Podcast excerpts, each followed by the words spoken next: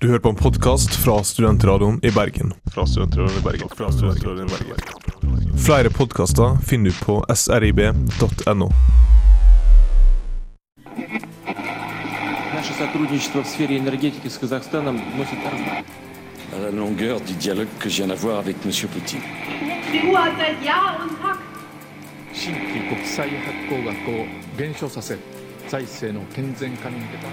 símbolo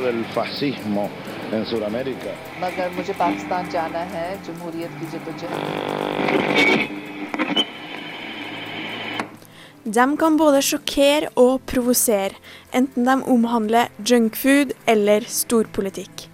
Du hører på Utenriksmagasinet MIR, og denne uka så har vi tatt for oss dokumentarfilmer. Her i studio så sitter jeg, Nina Kvello. Og meg, Rebekka Hønnum. Våre medarbeidere har sett og undersøkt forskjellige problemstillinger rundt om i verden gjennom dokumentarfilmer. Carl Stenheim skal snakke om Into Eternity, laget av dansken Michael Madsen, som tar for seg spørsmålet om hva menneskeheten skal gjøre med de hundretusener av tonn med atomavfall som atomkraft medfører. de her ting. Altså om vi overfører et ansvar til fremtiden, som vi måske selv skulle Ingvild Lien har sett Big Boys Gone Bananas, en dokumentar om en dokumentarfilmskapers kamp mot giganten Dole Fruits. I stämningen kräver de at filmen skal legges ned, hemsidan skal legges ned og at jeg aldri mer skal uttale meg i frågan. Og Caroline Noranger har informasjon om The War on Drugs i USA. Og til sist så vil Umirs utsendte korrespondent Kristina Hauge deler begynnelsen på sin reise i Bhutan, hvor hun har vært med bl.a. utviklingsminister Heikki Holmås. Her i Utenriksmagasinet MIR så er det dokumentarer som står i fokus i dag. Og fra å verke en så fullt populær filmgren, så har jo eh, dokumentarfilmer skutt i været, og det er jo eh, mye takket være veldig mange store, omtalte dokumentarfilmer, som eksempel eh, Al Gores The Unconvenient Truth, og um, ikke minst eh, alle Michael Moores sine bidrag, som eksempel eh, 9-11, som er den mest sette dokumentarfilmen gjennom tidene. Ja, I dag kan det jo virke som det finnes dokumentarfilmer om all slags tema. Eh, Bergen sin egen filmfestival BIFF er kun ett eksempel på filmfestivaler som hvert år har mange spennende dokumentarer å by på. Som retter søkelyset mot samfunnsforhold, problemer og fenomener som vi kanskje ikke tenker så mye over, eller kanskje ikke visste at fantes i det hele tatt. Det stemmer, og en uh, film som ble vist, vist på Biff det var Big Boys Gone Bananas. Uh, denne filmen er en oppfølger til dokumentaren Bananas, uh, hvor den svenske filmskaperen Fredrik Gerten uh, skildra konflikten mellom arbeidere på en uh, bananplantasje i Nicaragua og det internasjonale fruktkonsernet Dole. Og Dole har du sikkert hørt om hvis du er glad i bananer, for de er overalt på alle bananer. Ja, det er sant. Og bananer skulle vise seg å ha store følger for Gerten. I Big Boys Gone Bananas følger vi filmskaperens kamp mot banangiganten, som tydeligvis ikke lik likte å bli sett på under lupen.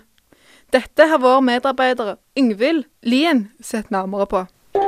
So banana, coco banana, so banana, coco banana, sol banana, sol sol banana, Dole Foods is suing a Swedish filmmaker for wanting to show a fraudulent documentary slamming the company. Big Boys Gone Bananas handler om en film filmskapers rett til ytringsfrihet og til å publisere en dokumentarfilm som tok for seg bananarbeideres kamp mot fruktprodusenten Dole. De ble anklaget for å fortsette å bruke et sprøytemiddel, DBCP, etter at det ble tatt av markedet fordi det førte til sterilitet ved direkte kontakt. Samtlige av arbeiderne ved en av Doles eh, bananplantasjer i Nicaragua var sterile. Denne gruppen av arbeidere og en advokat fra Los Angeles, Juan Dominguez, gikk til sak mot gigantselskapet Dole. Det skulle bli en lang kamp. This is bigger than just a case.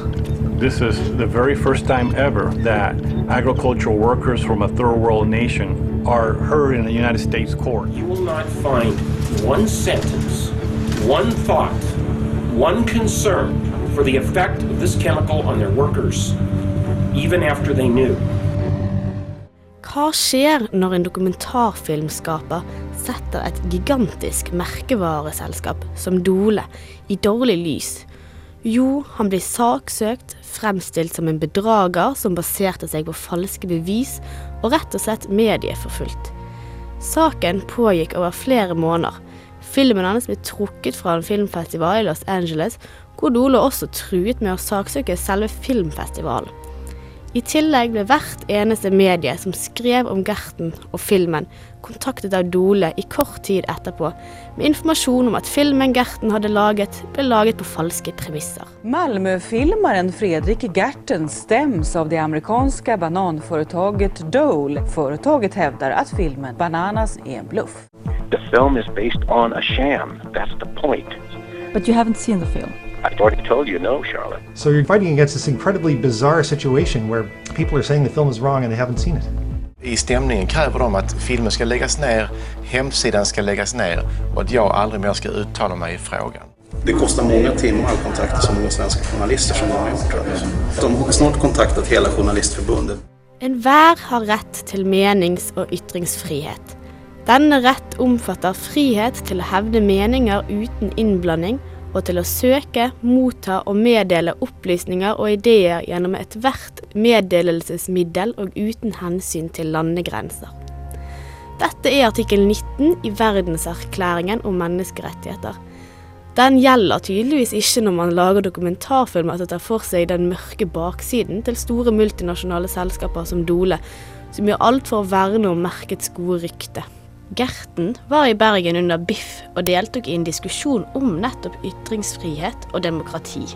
Det som har blivit klart for meg, er at ytringsfrihet er noe som vi må kjempe for hver dag. Det fins i grunden i, i vår konstitusjon i nesten alle länder så står det ytringsfrihet og pressfrihet er, er liksom selve grunden for demokratien. Men det er mange som vil stoppe den. Mennesker, også folk i vår egen bransch, framförallt i USA och Kanada, uppfattade det som att vi hade gjort någonting fel. Det var vi som hade gjort ett dåligt arbete.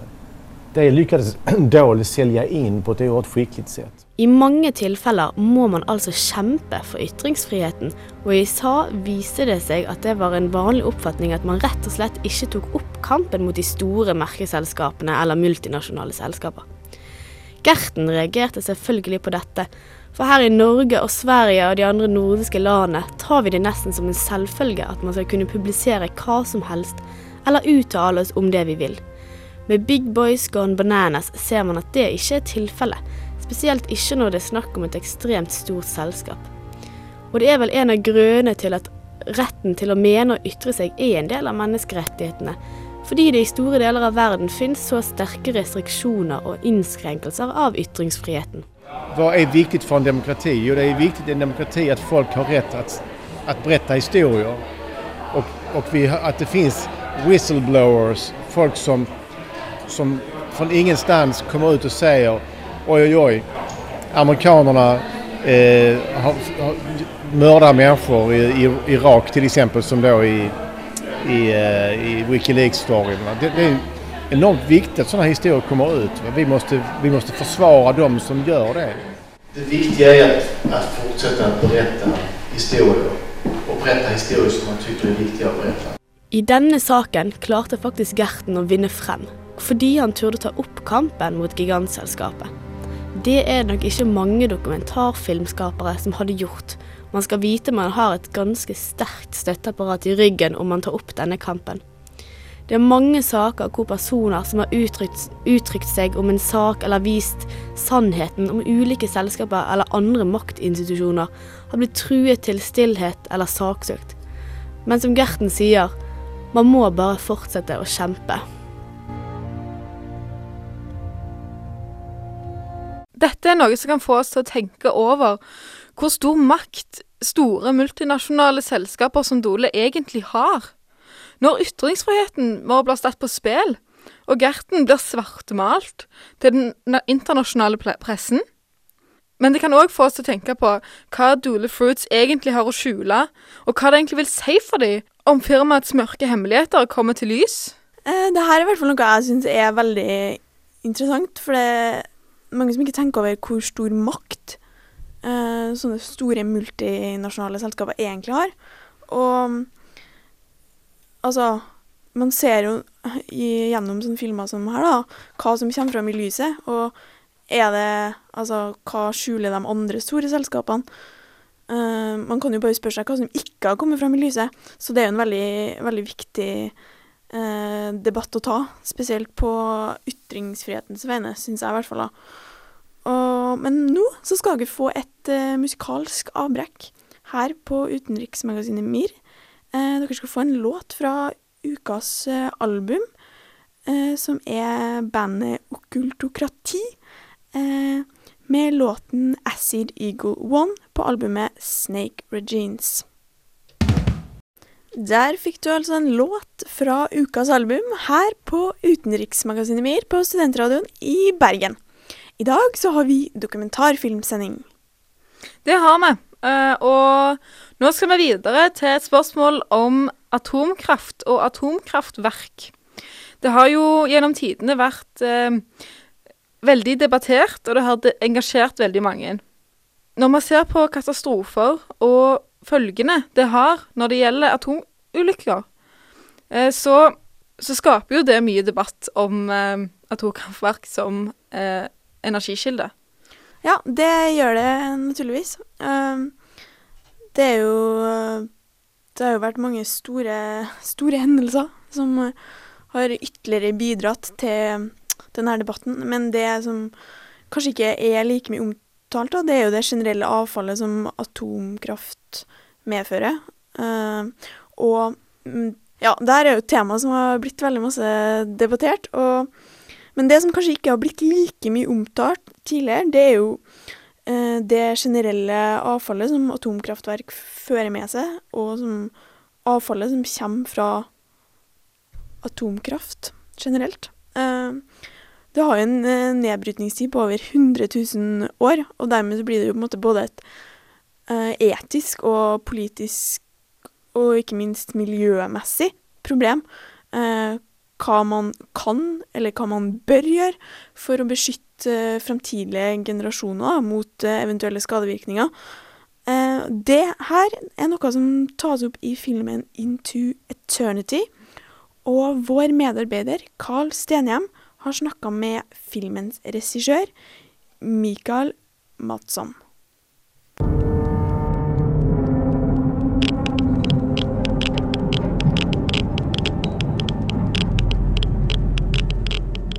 Once mankind started to use nuclear power to generate electricity, it was obvious that we will also generate some waste, which has to be treated so that it doesn't harm anybody. And uh, you can't make nuclear waste go away. You cannot make nuclear waste harmless. So, several ways how to get rid of the waste were explored.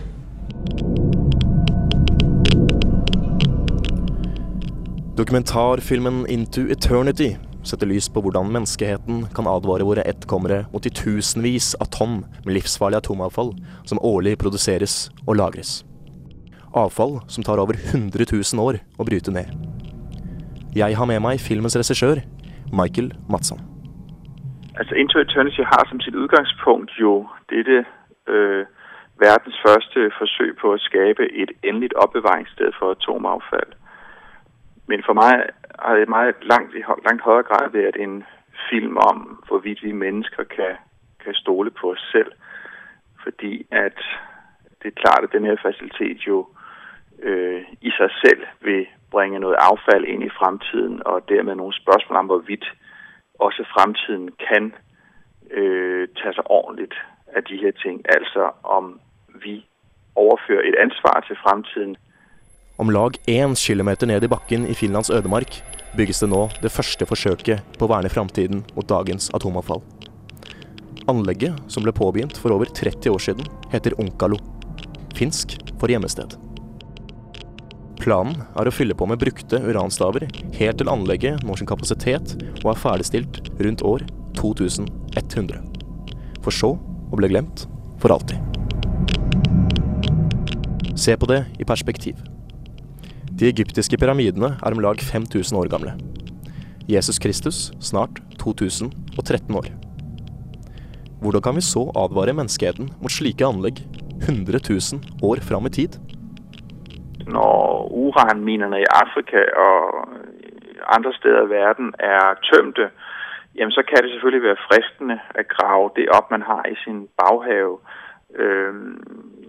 Vi vet alle sammen, tror jeg, at de økonomiske interesser, som det er i at kunne øh, skaffe energi til samfunn og stater osv., at de er enorme. Det er vanskelig å si om framtidens mennesker er hyperintelligente, eller om vi har blitt mer primitive. Trolig vil vi nesten utryddes og gjenoppstå flere ganger i løpet av 100 000 år. Michael Madsen forklarte om tre muligheter å advare framtiden mot slike anlegg på. Vi kan lage enkle tegninger om fare på runesteiner, eller ved avskrekkende bilder som Munchs skrik.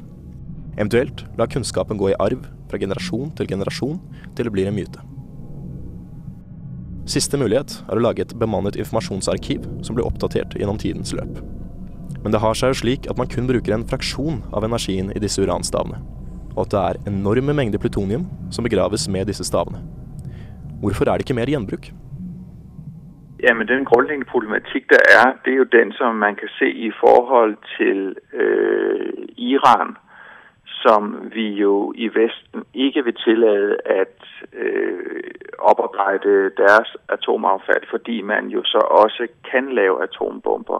Og det er det, man i Vesten mistror det her land for at ville gøre. Michael Mattsson forklarer at den største årsaken til at vi vil begrave slikt avfall, er fordi det kan brukes til å lage atombomber, slik Vesten frykter Iran vil gjøre. Men hva når oljen tar slutt? Man kan jo øh, stille det spørsmål om det så å si er en, en menneskerett at ha all den energi som man gerne vil ha. Altså Problemet med atomkraft det er jo at uansett hva vi gjør, så vil vi efterlade noe avfall i enorme tidsrum, altså hundredtusenvis av år inn i fremtiden. Det vil si at vi så å si påfører fremtiden et problem. Altså om vi kan handle ansvarsfullt i forhold til fremtiden. Om vi rent faktisk kan, kan håndtere det her problemet i nutiden. Er energi til å fylle våre behov en menneskerett? Om Kina og India vil ha dekket samme energibehov som også Vesten innen 20 år, må de bygge tre nye atomreaktorer hver dag.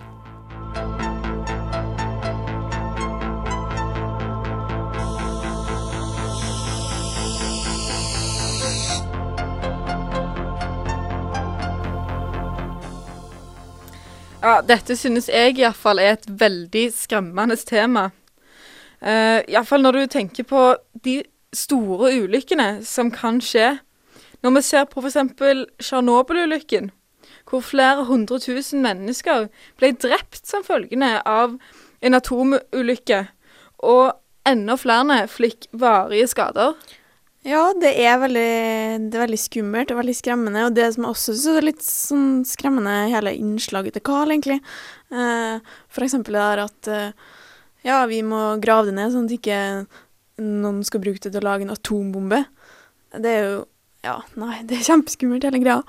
Og ja, et av de seneste eksemplene på hvor farlig det her kan være, så vi jo i 2011, da kjernekraftverket i Fukushima i Japan ble ramma av et kraftig, kraftig jordskjelv, etterfulgt av en tsunami, som gjorde at uh, over 100 000 mennesker måtte flytte permanent bort fra boligene sine pga. faring for stråling, og de begynte med nedkjøling av reaktorene. og Altså, der ble det, var det ikke noen, så vidt jeg vet, som ble ordentlig skada. Men uh, du ser jo uansett hvor store konsekvenser uh, atomkraftverk kan ha, da. Men nå skal du få et musikalsk avbrekk her i Studentradioen. Uh, litt i samme radio, radioaktive ånd. Her har du Imagine Dragons med Radioaktiv.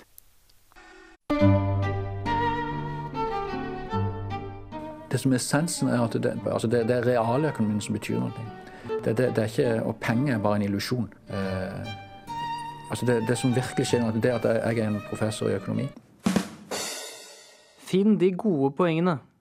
Utenriksmagasinet MIR. Du hører på Utenriksmagasinet MIR her på Studentradioen i Bergen, og i dag så er temaet vårt dokumentarfilmer.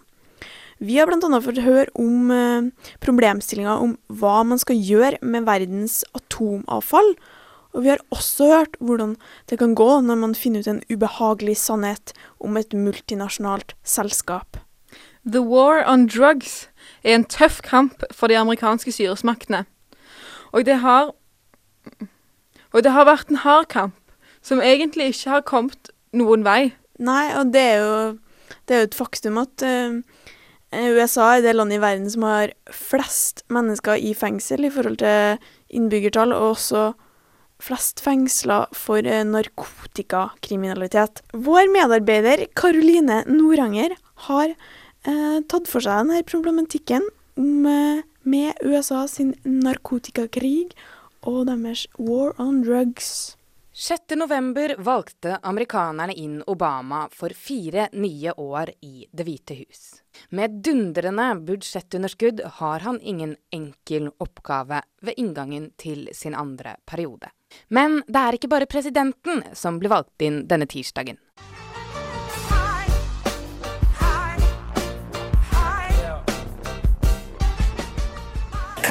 Colorado is about to give new meaning to the term Rocky Mountain High. It's been a good night for pot smokers. Uh, there were uh, several, there were, there were several initiatives on the ballot. What states have gone to pot there, William? High times in Colorado. They're getting high Rocky Mountain style. Cheech and Chong rejoice.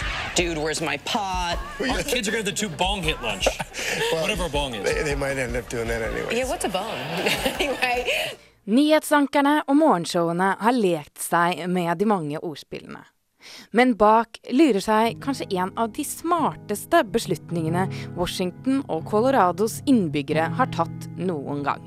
Statene har, som de to første i USA, ikke bare legalisert medisinsk marihuana, men også fritidsbruk av den grønne gleden. La oss gå tilbake til den spede begynnelsen og den bakenforliggende årsaken til at mer enn én million amerikanere havner bak lås og slå hvert år.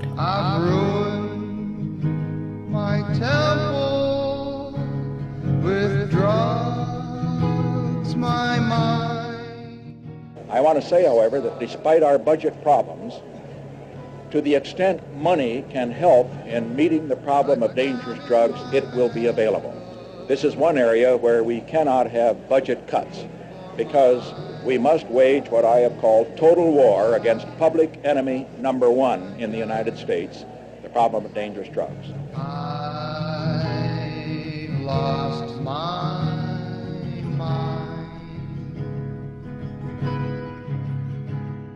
Siden 1971, da Nixon som første president erklærte 'war on drugs', har amerikanske fengsler blitt fullere og fullere. 25% av verdens innsatte sitter i amerikanske fengsler, til tross for at amerikanerne kun utgjør 5% av verdens befolkning. Straffene for narkotikabruk har også blitt skjerpet, og med det har kostnadene for de amerikanske styresmaktene vokst. Samtidig har dopbruk blant amerikanerne steget, og ytterst få av bakmennene blir tatt. De strenge straffene gir derfor ikke mening verken økonomisk eller som avskrekning for dopbrukerne. Det økonomiske tapet er kun én av de mange virkningene av den feilslåtte krigen. We sell crack to our own out the back of our homes. We smell the musk of the dusk and the crack of the dawn. We go through episodes too, Den systematiske diskrimineringen av svarte amerikanere er grunnen til at filmskaper Eugene Jarecki bestemte seg for å rette kamera mot problemet.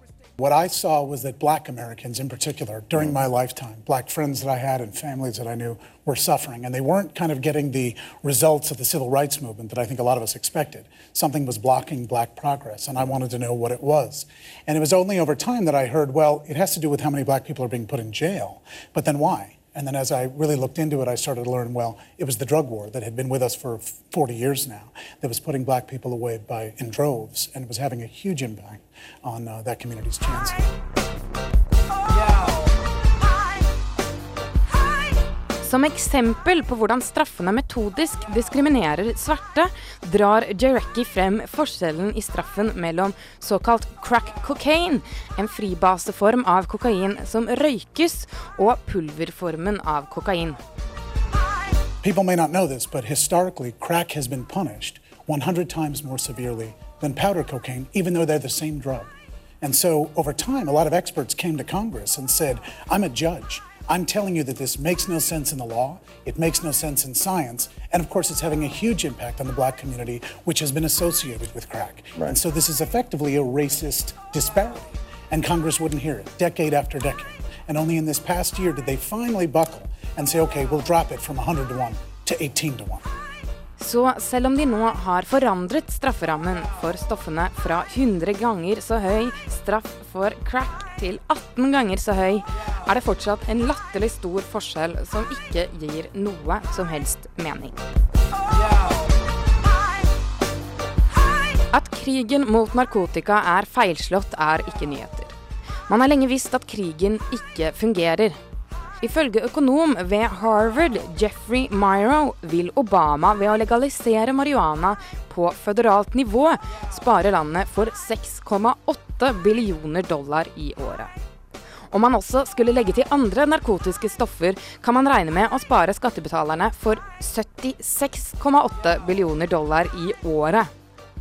Avgjørelsen om å legalisere marihuana i Washington og Colorado kan derfor være en av de smarteste tingene som er gjort for kampen mot narkotika i USA noen gang.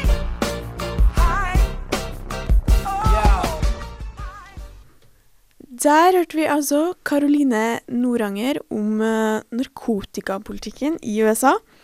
Uh, og vi hørte jo, det skjedde jo nylig, at uh, statene Washington og Colorado har legalisert marihuana til eget personlig bruk. men USA har jo, som vi hører, fortsatt en veldig lang vei å gå i kampen mot narkotika. og det som er litt interessant, da, det er jo at for politibetjenter som jobber med å ta de her, og finne og ta og fengsle doplangerne og um, brukerne.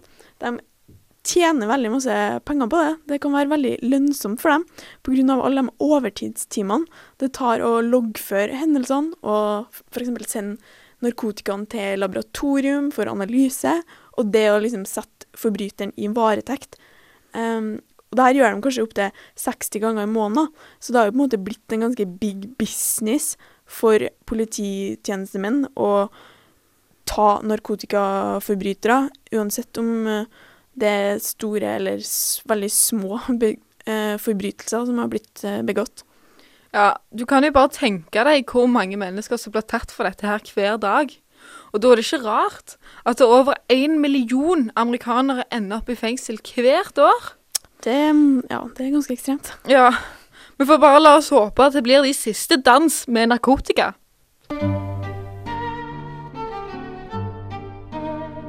Vi slušajte иностранный журнал «Мир» о студентском радио в Берге. Foreign magazine «Мир» on student radio in Bergen.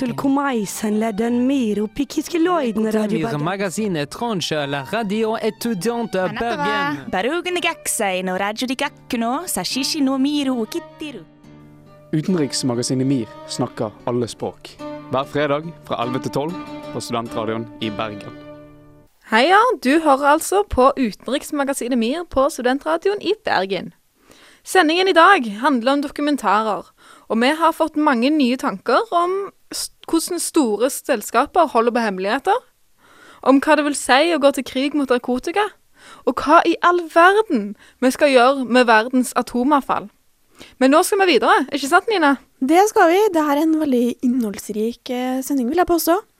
Og vår utsendte korrespondent Kristina Hauge hun har vært i Bhutan eh, etter hun fikk et pressestipend fra selveste Utenriksdepartementet. Hun reiste sammen med Heikki Holmås, som er utviklingsminister, og hans delegasjon av diplomater til det her lille landet i Himalaya-fjellene. Welcome to Bhutan, ladies and gentlemen. We have now arrived at Baro International Airport. Please keep your mobile phone switched off and remain seated with your seatbelt fastened until the seatbelt sign has been switched off.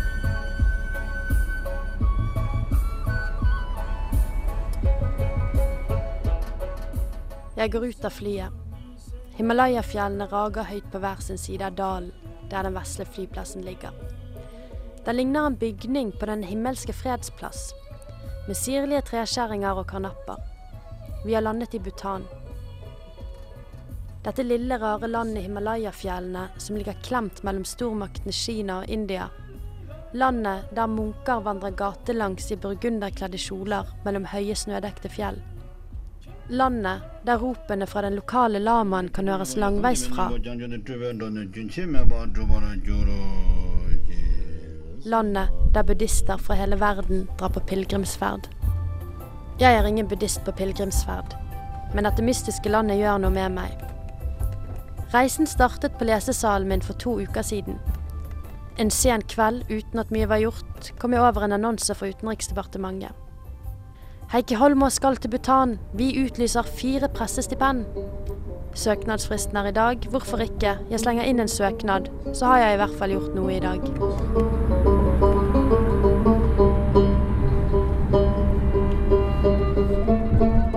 Nå sitter jeg her, i Bhutan.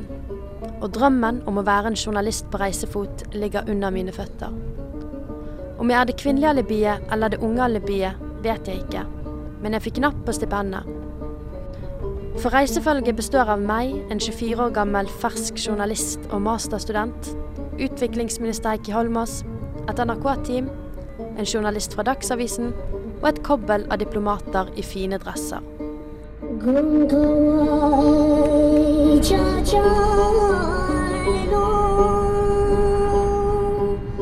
Bhutan er tobakk forbudt, noe jeg var veldig klar over før jeg dro. Men hvordan skal man klare seg når man er et barn av sin tid og snusleppen henger ute? Mitt gamle barndomsidol Åsne Seierstad opplevde sikkert aldri dette problemet. Hun var sikkert så flink at hun verken snuste eller røykte. Jeg reiser med henne i tankene. Helt fra jeg så henne på TV som tolvåring, der hun sto med safarivesten og sitt lange, lyse hår. Sånn vil jeg også bli. Jeg hadde på forhånd hørt at man som turist kan fortolle tobakken til en nette sum av 200 tilleggsskatt. Ingen taxfree, med andre ord. Idet vi går ned trappen fra flyet, kommer en mann fra de butanske myndighetene og møter oss. En såkalt protocol officer, som skal følge den politiske delegasjonen så lenge de er i landet. Han hilser på hele delegasjonen, og når min tur kommer, spør jeg forsiktig og flau. Jeg har noe snus jeg vil fortolle. Mannen gir meg så vidt et blikk og sier vi har ikke tid, jeg tar det. Han gjemmer mine to ruller snus og NRK-fotografens sigaretter inni den påbudte folkedrakten God. Den største lommen i verden, sier han og gler. Det er sant det han sier. I Bhutan er folkedraktene påbudt i alle offisielle yrker, til og med for taxisjåførene. Mellom de burgunderkledde munkene går menn i kjoler og knestrømper. Den heter God og ligner en blanding av en slåbrok og en kort kimono. Kvinnene går kledd i lange skjørt og langermede bluser i silkelignende stoffer. Den kalles kira. Og inni denne folkedrakten ligger nå mine snusruller igjen. Vi begynner å gå ut av flyplassen. Jeg har hjertet i halsen. Hva om han blir stoppet, og det er min feil at hele reisefølget blir forsinket? Men all verdens bekymringer som eksisterer i dette øyeblikk, forsvinner idet jeg innser selvfølgelig, vi er i en diplomatdelegasjon. Vi går rett gjennom flyplassen og bort til rekken av biler som utgjør en politikortesje.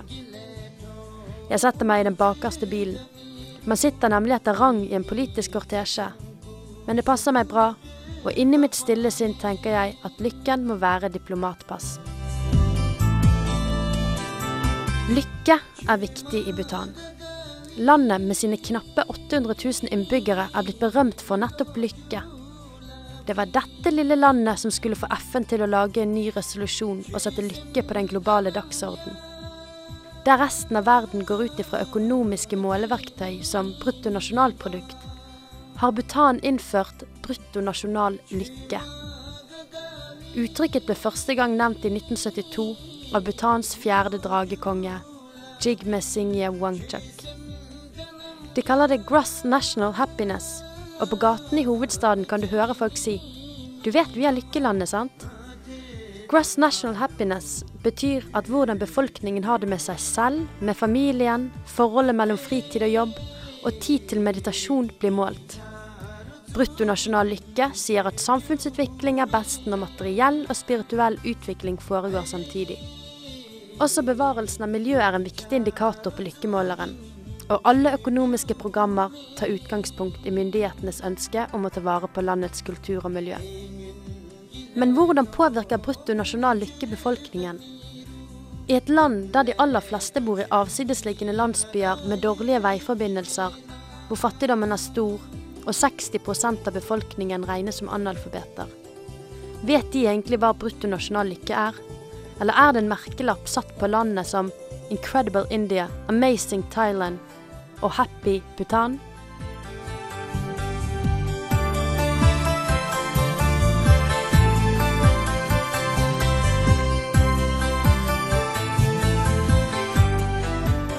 Vi besøkte Lykkekommisjonen og spurte. Opp en knirkende trapp og inn i en smal korridor. Der sitter de, den butanske lykkekommisjonen, kledd i sine vakre folkedrakter. Mm, I think uh, from the citizens' point of view, still there is some work to be done because uh, somehow we are not able to um, notify citizens that these policies are now up on the on some public domain or on the website for their comments. Somehow we are not able to do that. So we are trying to think of uh, strategies on how we can uh, notify citizens to at least have a look at these policies which are now available for their comments. But it's there in the protocol that we will put it up in the public domain and it's happening, but very few comments are coming in because at most most times people are not aware that these are. So we are thinking that maybe if we uh, announce it through the through the media, maybe that would help. Lykkekommisjonen kunne fortelle om hvordan de faktisk målte folks lykke, og at det var de hjemmeværende kvinnene som var minst lykkelig. Ikke så annerledes enn slik det er i resten av verden. Jeg går ut på gaten i hovedstaden Timpu. Inni en klesbutikk står det en guttegjeng. De er kledd i skinnjakker og dongeribukser og har altfor mye gelé i det kullsvarte håret. De er veldig klar over hva brutto nasjonal lykke er. De studerer i India og virker velutdannet. Jeg spør dem hva som gjør dem lykkelig. What makes me happy? Uh, actually, the way of life is itself is happy here, and Bhutan is all about peace and simplicity. So we are happy. What makes you happy? Uh, my family and my friends. What makes you happy? Uh, we, I mean, like you, you, uh, you, the people around the world must have heard about the gross national happiness. Mm. So the happiness is in our country, like every people, uh, uh, naturally we are happy. We are happy from the inside. I mean, when we are happy from inside, I mean, the happy from inside is the mainly about the gross national happiness you must have heard. So it naturally related with the nature of the people. Svarene deres gjør meg ikke overbevist, men snart er det min tur. Etter å ha stått og pratet om landet deres, spør de meg, er det trygt å dra til Norge? Det måtte komme. Også her i Himalaya-fjellene har de fått med seg hva som skjedde den 22. juli 2011.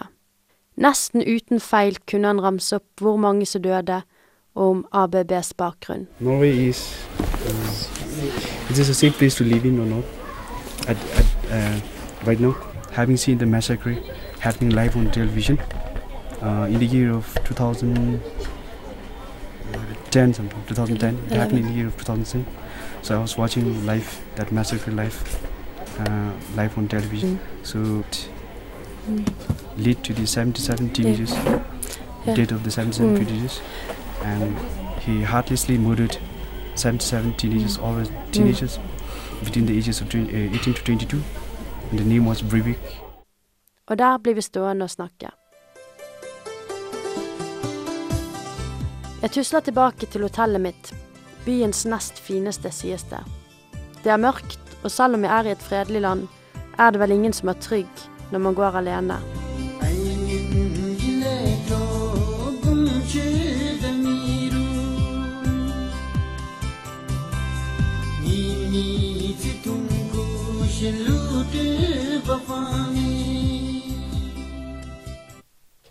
Der hørte vi altså første del av Kristinas eventyr i lykkelandet Bhutan. Ja, det blir veldig spennende. Men vi nærmer oss nå slutten på det som har vært en veldig variert sending her på Utenriksmagasinet MIR. For vi har nemlig hatt dokumentarsending, og vi har vel mer eller mindre reist kloden rundt gjennom dokumentarfilmenes aktualiserende problemstillinger. Vi har annet fått høre om en dokume dokumentarfilmskapers kamp mot uh, fruktgiganten Dole. Uh, vår medarbeider Ingvild Lien hun tok en kikk på hvordan det her multinasjonale selskapet ikke var særlig glad for å havne under dokumentarskaperens kritiske lupe. Videre har Carl Steneheim tatt en prat med skaperen bak filmen Into Eternity om atomavfall. Og medarbeider Caroline Noranger har sett nærmere på USA sin narkotikapolitikk og konsekvensene av den. Til sist hørte vi utsendte Kristina Hauge i første del av hennes reise i Bhutan. Eh, hvis du var så uheldig at du ikke fikk med deg hele sendinga, eller du har lyst til å høre sendinga på nytt, så kan du laste ned vår podkast på srib.no slash podkast. Og du må like oss på Facebook og følge oss på Twitter. I tillegg til dette kan du alltid sende oss en SMS til 1963 med kodeord SRIB med dine kommentarer og kanskje et forslag til temaer vi kan ta opp i framtidige sendinger. Tusen takk til vår produsent Marit Bjøntegård. Eh, Du må ikke skru av radioen ennå, for etter oss så kommer formidlende omstendigheter. Og du må også huske å få med deg Utenriksmagasinet MIR også neste uke. På gjenhør.